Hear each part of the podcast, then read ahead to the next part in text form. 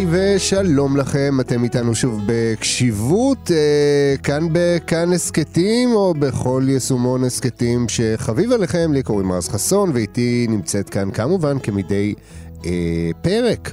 סמדר יהודה גזית, פסיכולוגית קלינית המשלבת מיינדפולנס במרחב הטיפולי, הידועה בכינויי הסמדה מהפודקאסט. בדיוק, שם הרבה יותר חביב עליי. תראי, אני ראיתי את אה, עפעפייך וארובות עינייך הולכות ומתרחבות, וידעתי לאן אני צריך לדייק פה את ההגדרות. אמ, תראי, היום אני מאוד מרוצה מהפרק של היום. עוד לפני שהתחלנו אותו, אני יכול לומר לך שאני מרוצה, ואני אספר לך למה. אנחנו, אנחנו עכשיו כבר בעונה הרביעית. בכל העונות הקודמות אנחנו נמנענו בצורה מאוד נחרצת מלומר לכולם בצורה מפורשת שמיינדפולנס הוא הפתרון לכל הצרות בחיים. והנה היום. אנחנו באים ואומרים, חברים, מיינדפולנס הוא הפתרון לכל הצרות בחיים. אני כמובן לוקח את האמירה הזאת בדיוק. באחריותי. בדיוק, כאן אני... אני אגיד, אתה אמרת. אני אמרתי. לא, וזה למה אני אומר. כי היום, אחרי שדיברנו הרבה על ילדים ואיך מעבירים להם מיינדפולנס, כן, ואיך ממחישים להם את הדבר הזה, ואיך אה, גורמים להם לתרגל אפילו דברים בלי לקרוא לזה מיינדפולנס, פשוט לתרגל את הדבר הזה, אנחנו רוצים רגע להתרכז בהורים הפעם. אוקיי? ש- שאמורים להעביר את הדבר הזה למעשה, כן? כי איך תוכל להעביר משהו? אם המשפך מקולקל, איך תוכל לשפוך את המים? ואני אומר לעצמי, מי שאינו mindful ביומיום שלו, כן? בכל מיני אספקטים של החיים, של היומיום וכולי, יתקשה מאוד להיות mindful בגזרה ההורית באופן ספציפי. זאת אומרת, רוצה להיות הורה mindful, אתה תהיה כנראה mindful בסקייל רחב יותר, כן? על זה אני חותמת. על זה את חותמת. אוקיי, תחתמי כאן וכאן וכאן, ואני אשנה את הסעיפים הקודמים כך שהם יתאימו למה שאני רציתי לומר. כן. אז uh, אני מסכימה עם כל מילה שאמרת, ובאמת חושבת שגם אפרופו שיחות קודמות שלנו על האופן שמיינדפולנס נכנס אל הזירה הטיפולית, וההבנה שמיינדפולנס אה, עשוי להיות אה, תחום מועיל, למשל, להתמודדות עם דיכאונות או עם חרדות. ההבנה של הפסיכולוגים שבעצם אה, הביאו את המיינדפולנס אל, אה, אל העולם של הפסיכותרפיה, אה, ההבנה שהם הגיעו אליה בשלב מאוד מוקדם זה שלא ניתן לפתח את אותה תשומת לב מאוד ייחודית שהיא בלב המיינדפולנס, אי אפשר לפתח אותה רק כלפי נושא ספציפי, כמו למשל להגיד, אני אהיה מאוד mindful לסימני הדיכאון הממשמש ובא. לא, זה לא עובד ככה. אנחנו בעצם מדברים על פיתוח של תשומת לב שאיננה תלויה במושא שלה. בסדר? זאת אומרת, זה לא שאם מושא תשומת הלב זה מצבי הרוח הדיכאוניים שלי, שם אני במיינדפולנס, אבל אין לי מושג מה קורה בגוף, לי, אני לא כל כך בתשומת לב לאיך אני מתנהג, לאיך אה, התנהגויות של אחרים משפיעות עליי. לא. אין, אין את הספציפיות הזאת כשאנחנו מפתחים את המיומנות, ואני אגיד על זה, וטוב שכך. כי אז את הפירות של המיינדפולנס אנחנו יכולים לקטוף גם בכרם וגם בפרדס, וגם סתם בשיחי הפטל שבצד הדרכים. אבל פה אני רוצה לפתוח סוגריים. אמ, כי כאן אנחנו מדברים כאילו על איזושהי... נקרא לזה איזושהי גישה, איזושהי גישה מודעת, אוקיי? אני הולך להיות mindful בעניין הזה, אבל לא הולך להיות mindful בעניינים אחרים, כי אני בן אדם תכלסי ואין לי זמן לתרגולים מיותרים, לבין מצב שבו...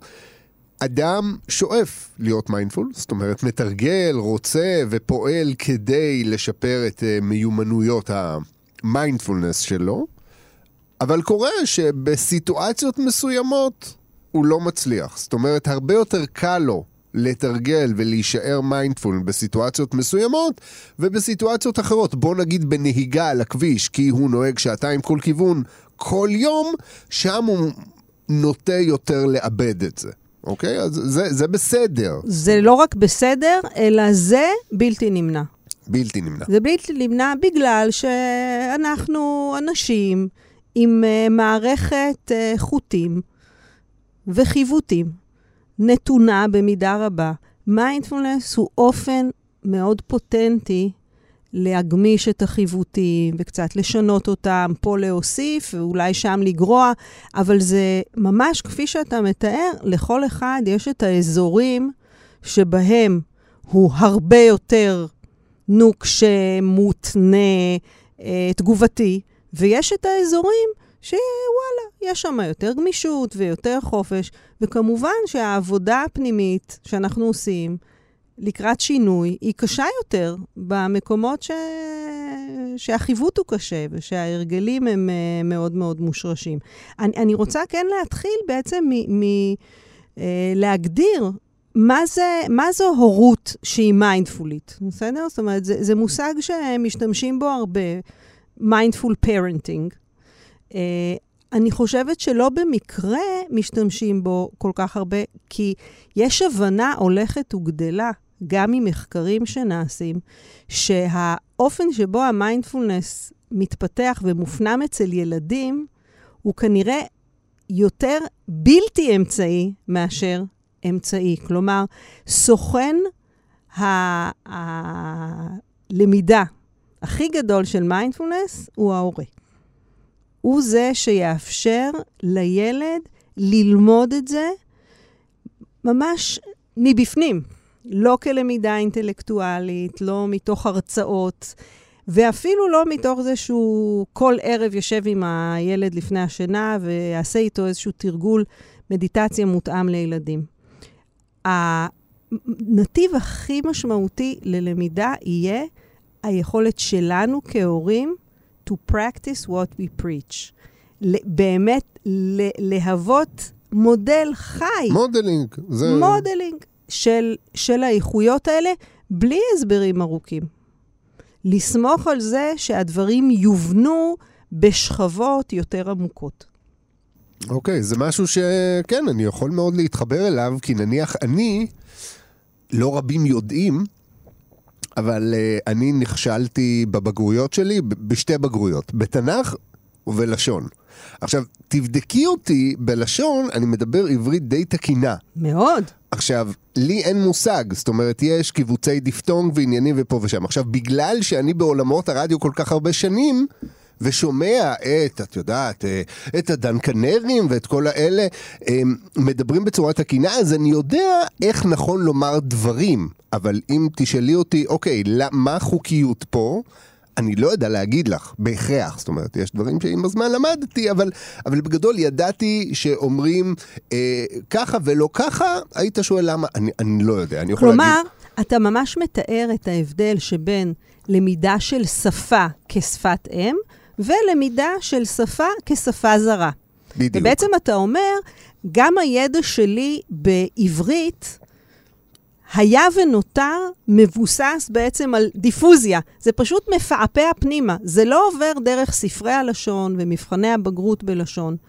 ואני רוצה להגיד שבהקשר של המיינדפולנס, זו ודאי דרך עדיפה בהרבה על הדרך היותר אינטלקטואלית, על היכולת להסביר. אני יכולה להגיד גם על עצמי שקראתי המון, למדתי. בסופו של דבר, הלימוד העמוק של המיינדפולנס, הוא נעזר ב... כמו אבני דרך, או יתדות, או חבלים לאורך הדרך, אבל בסופו של דבר, הוא... אני יכולה להרגיש שהוא קרה באיזשהו אופן אה, שאיננו בהכרח בשליטתי.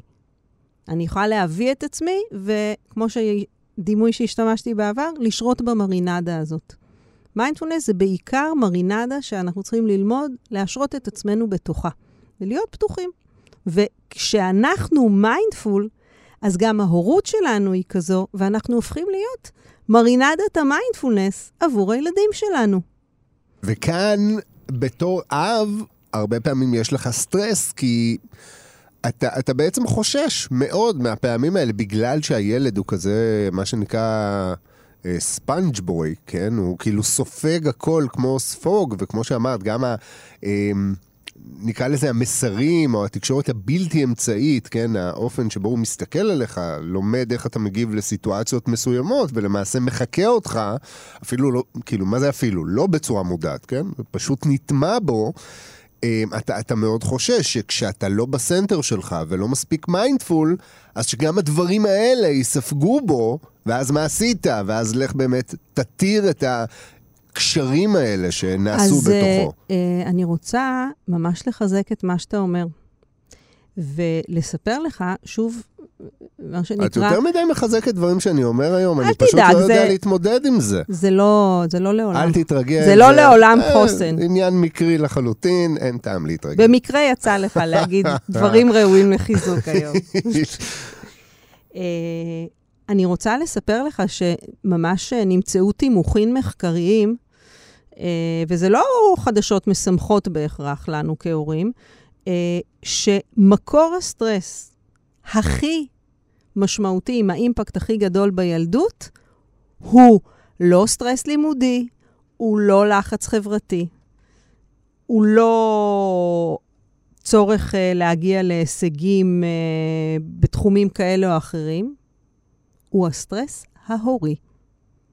כלומר, היות ההורים מוסטרסים, לחוצים, עם תגובות בהתאם, זה מקור הלחץ הכי גדול כי ילדים קולטים, שלנו. הם קולטים הכל, הם קולטים הכל, הם סופר רגישים, כמו הם שאתה נייר אומר, הם לקמוס של ספוגים, ה- הם ל- גם ספוגים. זאת אומרת, יכול להיות שהם אפילו מאוד רוצים לא לספוג את זה, אבל זה לא תלוי בהם.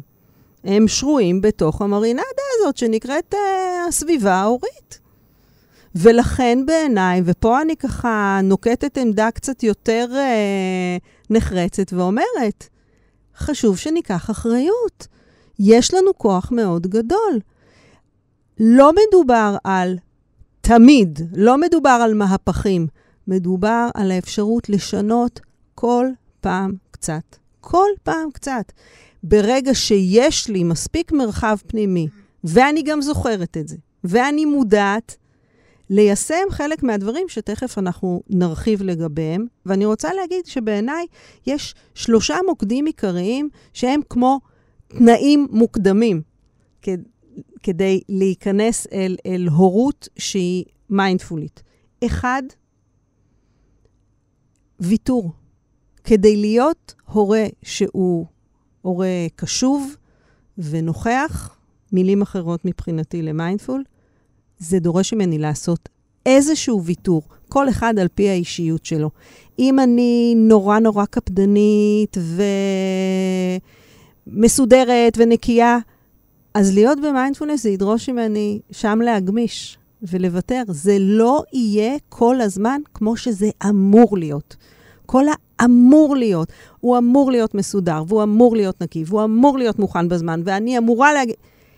זה אומר לשמוט חלק מהאמורים האלה, אבל שוב, ממקום נבון, ממקום מתבונן שגם מקבל uh, החלטה ובוחר. אבל יש ערך גדול להבין מראש, אני מוותר על משהו.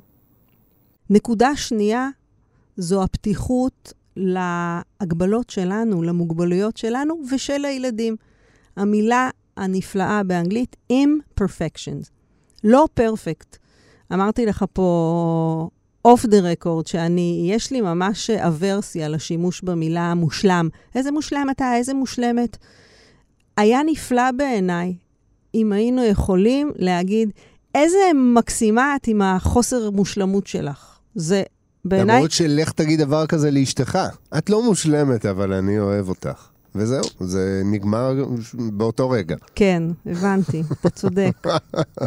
בקיצור, אה, גם תבחר את הקהל שלך. כן, אז, אז אולי עם. הילדים יש לנו יותר דרגות חופש. לא צריך להגיד את לא מושלמת, אבל אפשר פשוט להפסיק להגיד את מושלמת, ולבחור כל מיני מילים אחרות, שהן אה, הרבה יותר קשורות למציאות. אתה נורא מצחיק אותי, אתה כזה חמוד, אתה אה, מבלבל אותי, אתה אה, נורא נורא מתוק, נעים לי להיות איתך. אפשר את כל הדברים האלה במקום אתה מושלם, וכל הוורסיות של אתה נסיך, אתה מלך. זהו, זו, זו בעיה, זו בעיה מאוד גדולה, כי באמת יש המון הורים ש... שככה בדיוק הם מסתכלים על הילדים שלהם, אבל הם גם מחצינים ומעבירים להם את זה, וילדים גדלים בתחושה שהם יורשי עצר לאיזושהי, אני לא יודע, אימפריה או שושלת, לא יודע מה, ומרובת חשיבות. ו... ואז גם זה, זה, זה, מעבר לזה שזה דופק אותם בבגרותם, גם בתור ילדים בבית הספר, מורה אומרת להם משהו וזה, והם, את יודעת, מה, מי את בכלל? אני, את לא יודעת מי אני? אני הנסיך אלמוג השלישי, את, את לא תדברי אליי ככה. ובימי הורים, הרבה פעמים, כאילו, אנחנו קוראים על המקרים היותר קיצוניים בעיתונים, שהורים מגיעים לימי הורים, ופעם את יודעת, הורה היה מגיע, שומע איפה הילד שלו חלש, לוקח אותו הביתה ונותן לו בראש. לא וזה, אבל כאילו אומר לו, אה, אנחנו נעשה עבודה, אתה תשתפר בדברים האלה והאלה, אנחנו, כאילו, איזושהי תוכנית עבודה. והיום פשוט אומרים למורה, בואנה, מה את, אה, כאילו, מצדדים בילד עד כדי כך, כאילו, הוא מושלם. מה את עכשיו מדברת שטויות ועוד בפניו? איך את עושה את זה? ואני בטוח שאת בתור uh, מטפלת, בתור פסיכולוגית, מתמודדת עם הפירות הנפלאים של הדבר הזה שנים אחר כך. קשה, קשה ועצוב, ונורא נורא חבל, באמת. אני חושבת שיש כאן uh, uh, כוונות נהדרות שלגמרי לגמרי התעקמו בדרך. יש כאן uh, באמת רצון uh, לעטוף את הילדים ולשקף להם את, את כל היפה שבהם. בלי לשים לב למחירים התת-קרקעיים, שבעצם בסופו של יום מחלישים חוסן. ההחלשה של החוסן היא, היא בכך שאני מציירת תמונה שאיננה משקפת את המציאות. ואני אחזיר אותנו ממש אחורה לשורשים ואגיד שתורתו של הבודה, שממנו צמח המיינדפולנס במערב, אומרת שהשאיפה שלנו צריכה להיות לראות את המציאות כפי שהיא. כפי שהיא בדיוק. להסיר את אותן נטיות מעוותות שיש לנו, שקשורות לכל מיני התניות בתודעה. וכאן בעצם אני מסבירה בגדול את הרעיון שיש מאחורי הורות במיינדפולנס. היא כזו שמוכנה לפגוש את המציאות כפי שהיא. והמציאות כפי שהיא, שאותו ילד עצמו הוא גם לפעמים מקסים ומהמם, וגם לפעמים הוא בלתי נסבל. גם לפעמים הוא מנומס ונעים להיות איתו, וגם לפעמים הוא תוקפני ומתוסכל ופרא אדם, ויש לו צרכים שלא פעם הם uh, מנוגדים לדרישות.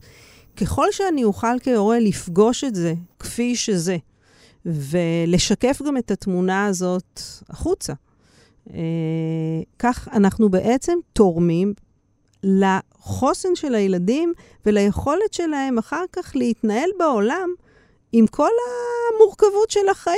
ועם והם... מודעות.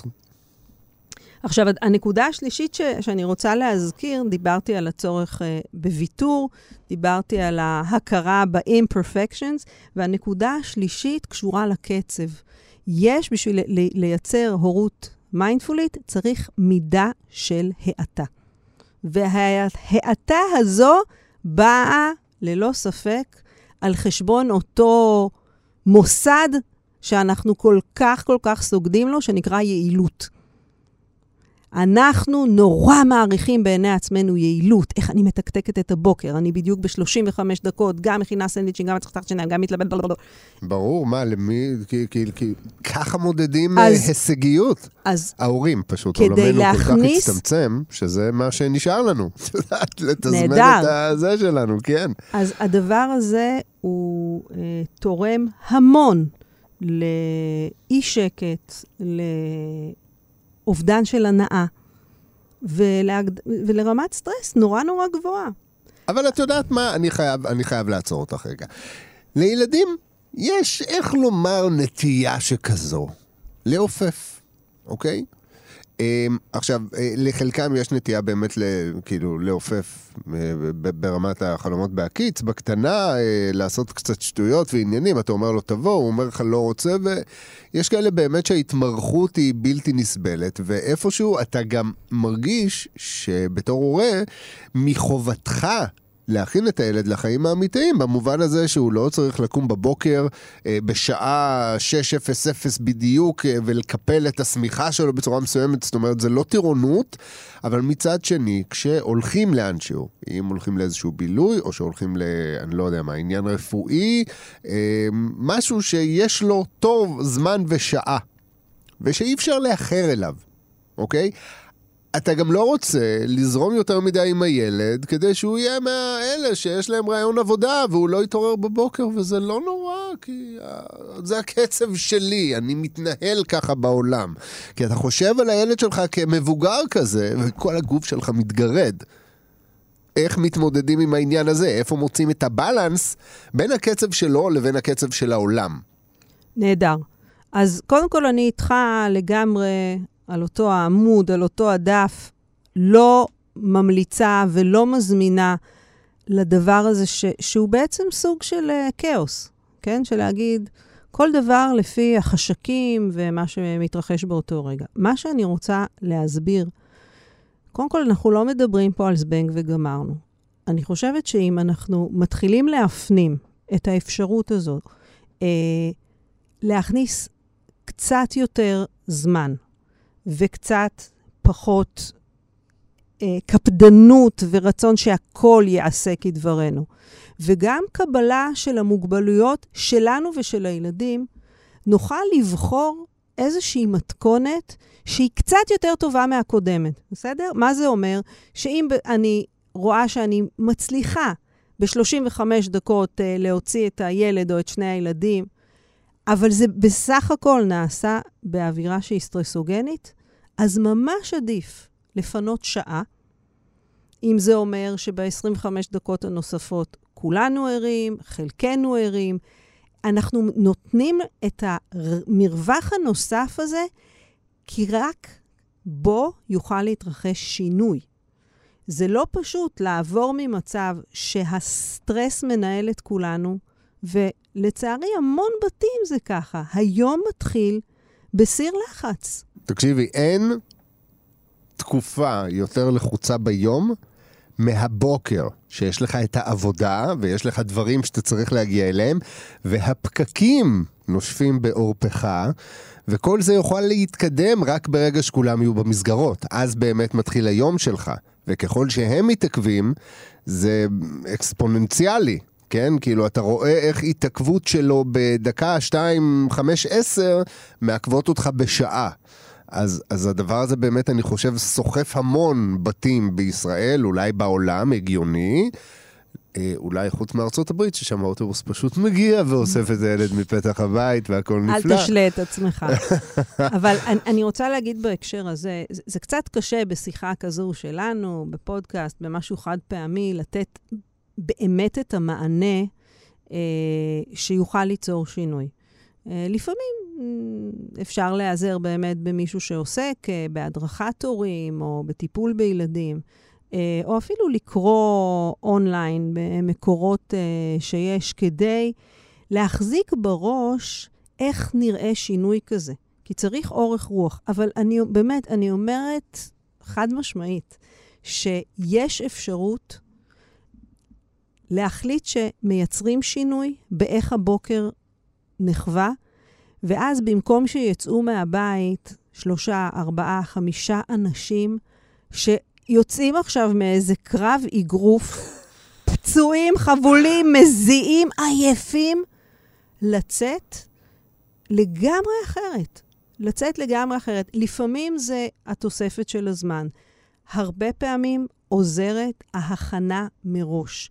הדיבור על הדברים, אחר הצהריים, ערב קודם, לרפד את התהליך בכל מיני נקודות שאנחנו יודע, יודעים שהן מרווחות, הן מרווחות לילדים שלנו. אז אם זה צחוק, או אם זה אוכל, או אם זה איזושהי מטרה, כי למשל ילדים שהם יותר תחרותיים או הישגיים, יש לנו את האפשרות למשוך את הדבר הזה כדי לקדם מטרה משותפת.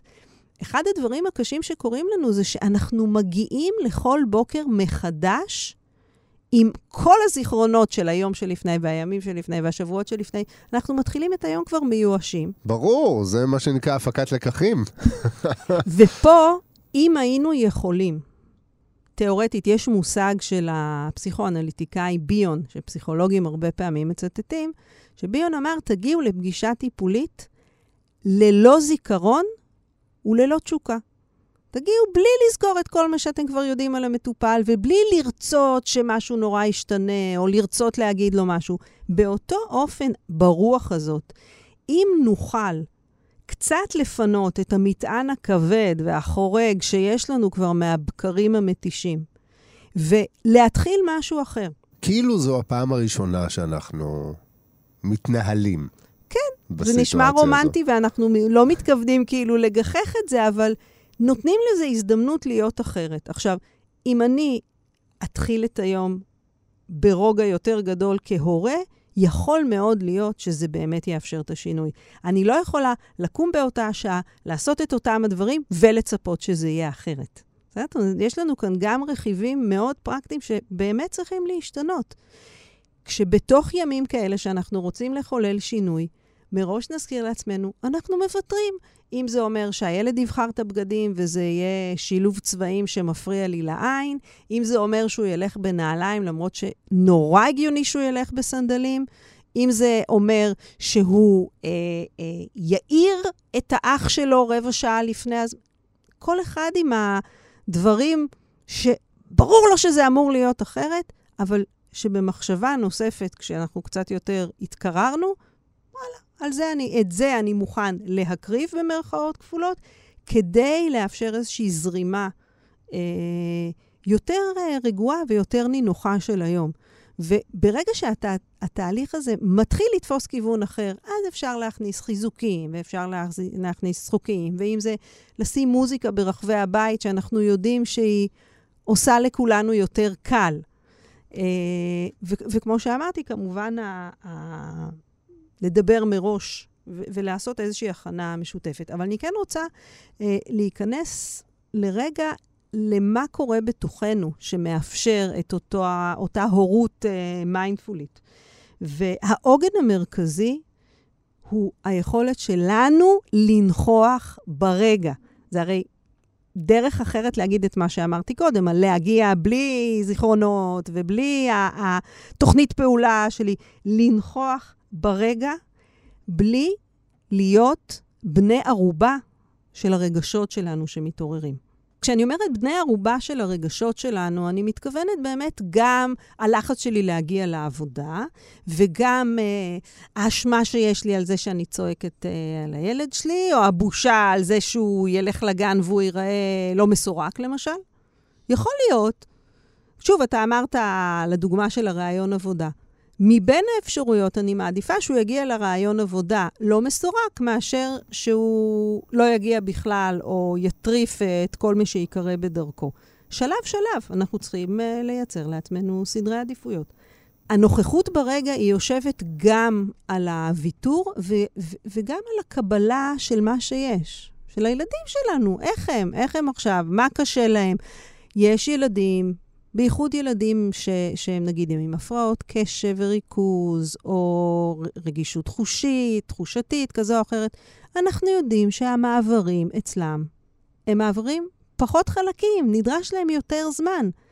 אז אם נייצר במרחב הביתי יותר זמן, נוכל לאפשר להם תהליכים כנראה רגועים יותר בתוכם, עם פחות אימפקט גם על שאר בני המשפחה. בהקשר הזה, אני רוצה לצטט אה, משהו שלפני המון מפגשים אה, אמרתי אותו, והוא שמיינדפולנס לא אמור לגרום לנו להרגיש אה, יותר טוב, אלא להיות טובים יותר בלהרגיש. Oh. כלומר, להיות חדים יותר בזיהוי. וופס, הנה אני מתפלפ. יש הבדל נורא גדול בין להתפלפ בנוכחות הילדים, לבין להגיד לעצמי, ברגעים אלה ממש, אני מתפלפת. ההבדל הוא בכך שיש חלק מסוים ממני שיכול להתבונן בסיטואציה ולא להיות רק בהתפלפות. זה עוגן. אגב, רק כדי להבהיר, לומר, הנה אני מתפלפת, בעודך מתפלפת, כן? זה לא להגיד אני מתפלפת, ואז... ואז זה, פתאום זה נעלם. ואז זה נעלם? לא, זה לא נעלם. זאת אומרת, להיות מודע לזה שהנה כאן ועכשיו זה קורה, כאן ועכשיו אני מאבד את זה. נכון. עכשיו, כמנחת מיינדפולנס, אני אגיד, מעולה שזיהית. אל, תזה, אל תעצור כאן, תמשיך ותזהה מה אתה מרגיש בגוף. מה זה עושה? איזה דחפים זה מעורר? זה מעורר דחף לזרוק משהו, זה מעורר דחף לצעוק. והאם אתה יכול גם את הדחף הזה לזהות ואולי לייצר מרווח קטן גם ממנו? עכשיו, לפעמים זה דורש עשרות התנסויות דומות כדי לבנות את המרווח הזה. אבל אל תפסיקו לנסות, כי זה ממש אפשרי. והתיאור הזה, החווייתי, חוזר ונשמע אה, בקליניקה שלי או במקומות שאני מלמדת. אנשים מתארים את החוויה הזאת, שפתאום יש קצת יותר רווח סביב איזושהי חוויה שהיא בדרך כלל מאוד מאוד מצמיתה, או מאוד מאוד אה, מסעירה, מתניעה איזה שהם תהליכים שקשה לעצור אותם. אז הנקודה הראשונה שאנחנו נדגיש היא עצם היכולת לזהות ולהגיד את זה לעצמנו. אני כרגע מרגישה שאני בלב הכאוס הקוסמי. בסדר? כשאני נכנסת הביתה, אני רואה בלגן ושומעת צעקות, ואני יכולה גם לזהות מה התגובה האוטומטית, הרפלקסיבית, שהיא לצעוק ולאיים. אתה, לך לשם, ואתה, תעזוב את זה. אבל עצם היכולת שלי לזהות מקנה לי דרגות חופש אה, שאני יכולה לבחור איך להשתמש בהן. אז הגורם הראשון, כמו שהזכרתי קודם, הוא היכולת שלי בעצם לזהות את הרגשות ואת תחושות הגוף ואת המחשבות ולראות את כל המחול שדים הזה שמתרחש, בעודי משתהה ככל שאני יכולה ברמה ההתנהגותית. זאת אומרת, הרבה פעמים כשאני נסערת, יש לי דחף לפעול. זה לא כי אני לא בסדר או אתה לא בסדר, ככה אנחנו מכוותים. דיברנו על זה כבר בעבר, שכשאנחנו נכנסים למצבי סטרס, מה, ש... מה שמתחיל לנהל אותנו זו המערכת ההישרדותית. הכל נהיה נורא פשוט. לסלק, להרוג או לברוח, אין הרבה אפשרויות. אנחנו רוצים לעזור לעצמנו לחזור מהמקום הזה הנמוך, אני אקרא לו, ולעלות חזרה לתפקוד שהוא מרווח יותר, שיש בו יותר דרגות חופש, שהוא מבוסת יותר, שבאמת ברמה המוחית זה תפקוד מהאזורים אה, של הקורטקס הפרפרונטלי, שעליו גם אנחנו רואים את כל המחקרים המרשימים שמוכיחים אה, יעילות של מיינדפולנס, שהם באמת אה, מחזקים שם את הקשרים ואת הפעילות של אותם מרכזים גבוהים יותר, ש- שמאפשרים לי יותר ויסות ויותר בחירה ויותר שליטה עצמית. הנקודה השנייה, שהיא אולי באמת ההתנהגותית, זה העניין של היצירה של הפאוזה לפני תגובה אגרסיבית. בין אם היא צעקה, בין אם היא אה, הרחקה, אה, היכולת ממש... להשהות את ה... את ה... את הדבר הדווחי, כן. הדכפי הזה, שבסופו של דבר, מה שאני רוצה זה לסלק את אי הנחת. מנגנון הכי הכי פרימיטיבי שלנו. אם זה לא נעים, אני רוצה לסלק. אבל אני רוצה שהמוח הקצת יותר גבוה שלי, שיודע שזה לא עובד ככה, כן? כשאני הייתי קטנה, הייתה תוכנית שנקראה סמנטה, שהייתה מכשפה, אבל היא נראתה כאישה רגילה. שם קלאסי למכשפה. והיא הייתה מזיזה ככה את האף, ואז הכל נעשה כדברה. כמה נוח. בדיוק, והיא הייתה עושה את זה הכי הרבה פעמים על סידור הבית, למשל. מכיוון שהיא כבר נעלמה מן העולם, סמנתה. עליה שלום. עליה השלום. אנחנו חוזרים להבנה שגם אם אני מוצאת את עצמי בתוך כאוס, וגם אם אני בתוך רכב עם כמה ילדים רבים וצועקים, אני לא יכולה אה, באמת לסלק את זה באבחה. ואם אני אעשה את זה באבחה אחת, כנראה שזה יהיה מאוד, אה, מאוד אלים או תוקפני. מאוד אגרסיבי. וזאת... יעיל לאותו רגע, מאוד, אבל מאוד עכשיו, אגרסיבי. אני לא, אני לא שוללת ו- ואני לא אדבר על כמה זה נורא לפעול ככה. אני חושבת שזה, מה שנקרא, פחות עדיף, בשפה פשוטה. ואני מדברת על מה יותר עדיף. מה שעדיף אה, הוא לשים לב מה עובר כרגע, לזהות את החוויה הפנימית, שהרבה פעמים באמת אנחנו חווים את זה כמתקפה, ולהשהות רגע את הדחף הכי מובן להגיב בהתקפה, אם אני תחת התקפה. איך עושים את זה? על ידי זה שאני מאפשרת את הזיהוי של הרגש ומוכנה לתת לו להיות. היא ממש אומרת, כרגע אני מרגישה מותקפת, וואו. ואז אני חוזרת לנשימה. ופה התרגול של המיינדפולנס לאורך זמן ובניית המרחב הפנימי של המיינדפולנס הוא זה שנמצא שם לעזרי. אני לא יכולה להתחיל לעשות את זה בזמן אמת. כמו שאמר מיודענו ג'ון קבדזין, אתה לא תופר את המצנח כשאתה כבר על המטוס ומתחילים לזרוק החוצה את הצנחנים.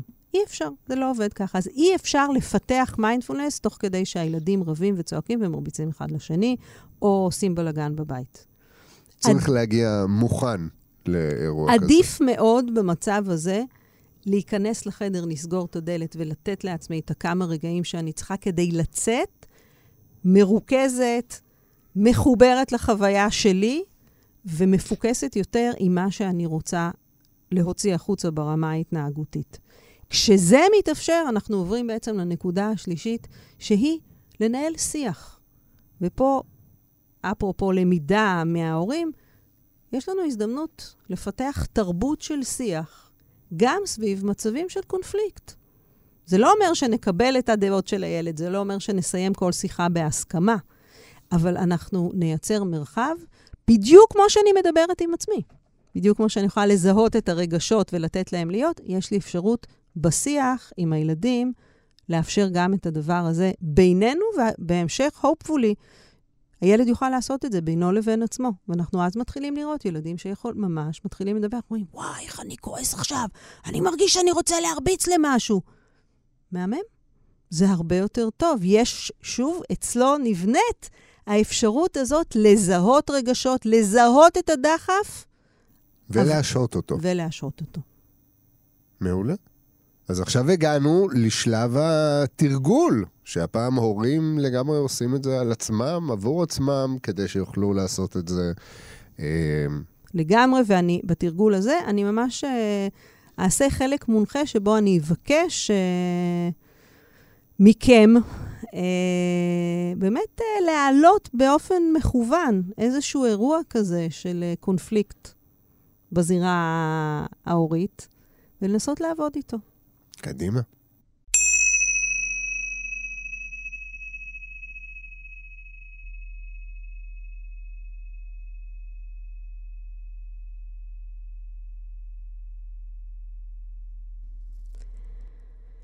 אז נתחיל עם uh, כמה נשימות עמוקות ומודעות, שבאמצעותן אנחנו אוספים את תשומת הלב מכל מה שעסקנו בו, אל הממשות של הגוף, אל ציר הנשימה.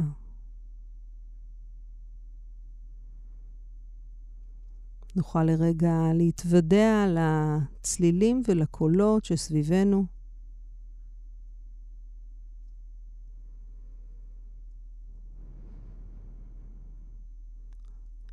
לחדד את ההקשבה, לחדד את תשומת הלב לחוויה החושית כפי שהיא כרגע.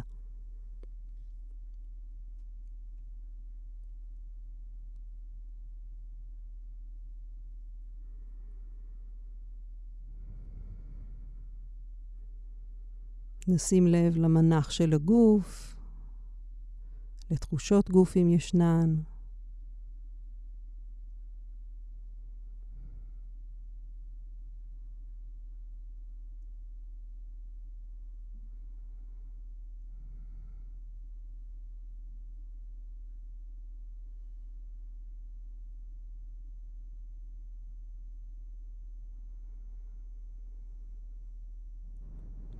תמצא את העוגן בציר הנשימה, או אולי באזורי המפגש של הגוף עם מה שתומך אותו.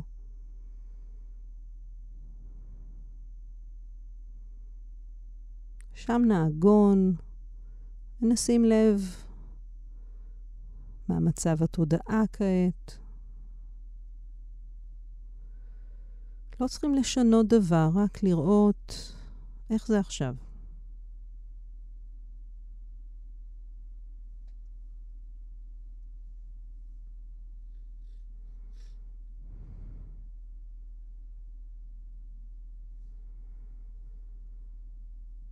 שים לב לשאיפה לכל אורכה, נשים לב לנשיפה לכל אורכה.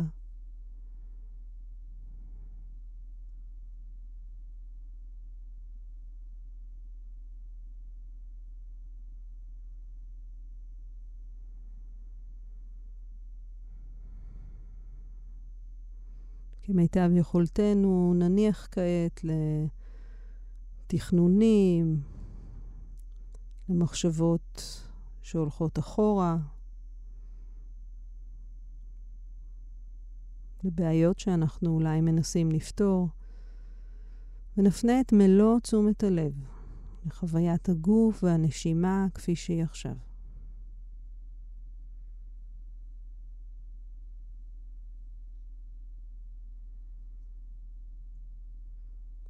נוכל כעת להזמין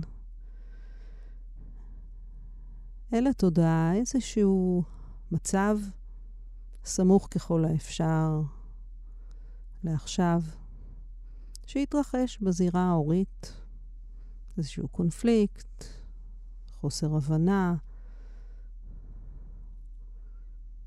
אירוע של מתח, בין אם עבורנו, או עבור הילדים, או עבור כולם.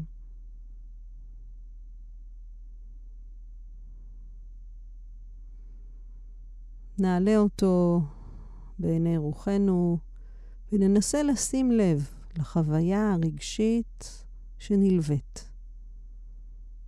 רק לזהות מבלי לשנות ולסדר.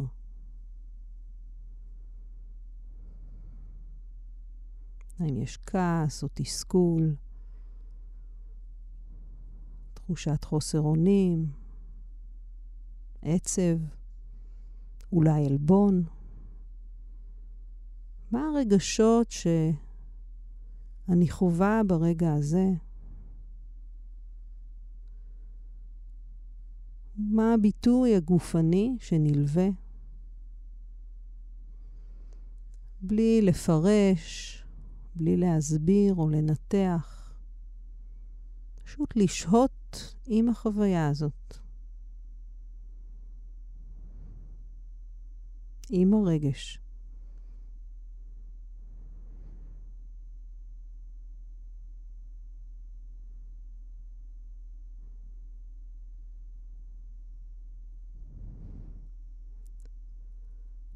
במקרים רבים, עצם השהייה הזאת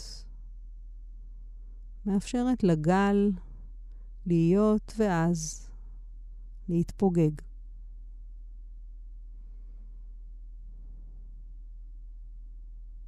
נמשיך ונתבונן מה ישנו אחרי שחלף הגל הזה. האם יש מבט שונה, חוויה גופנית שונה?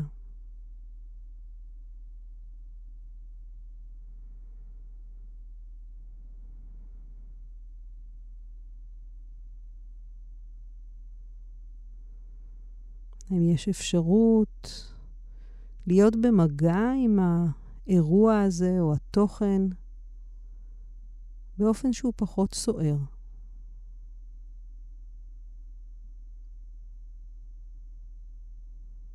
שהוא פחות תגובתי.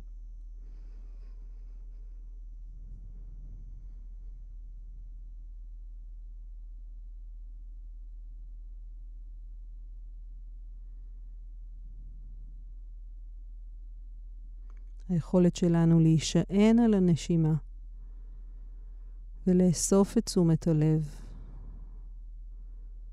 מהדיבור הפנימי והמחשבות אל התנועות של הנשימה והממשות שלה בגוף. היכולת הזו עוזרת לנו להישען יותר על מערכת ההרגעה הטבעית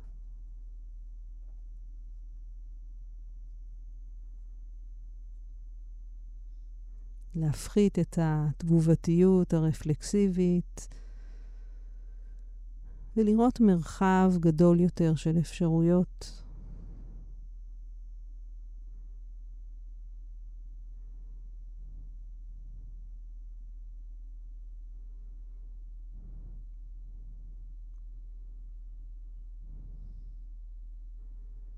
ולסיום התרגול, נאפשר לעצמנו לשחרר את האירוע הזה, את הרגש שפגשנו, ולשהות עם גלי הנשימה, כפי שהם מתרחשים בגוף.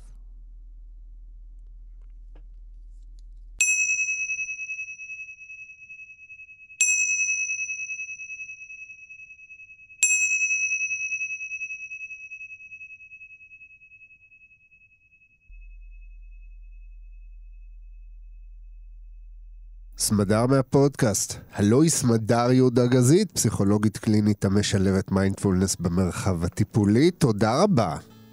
העונג כולו שלי. והנה, לכו לכם, לכו תרגלו לכם. מיינדפולנס הורי.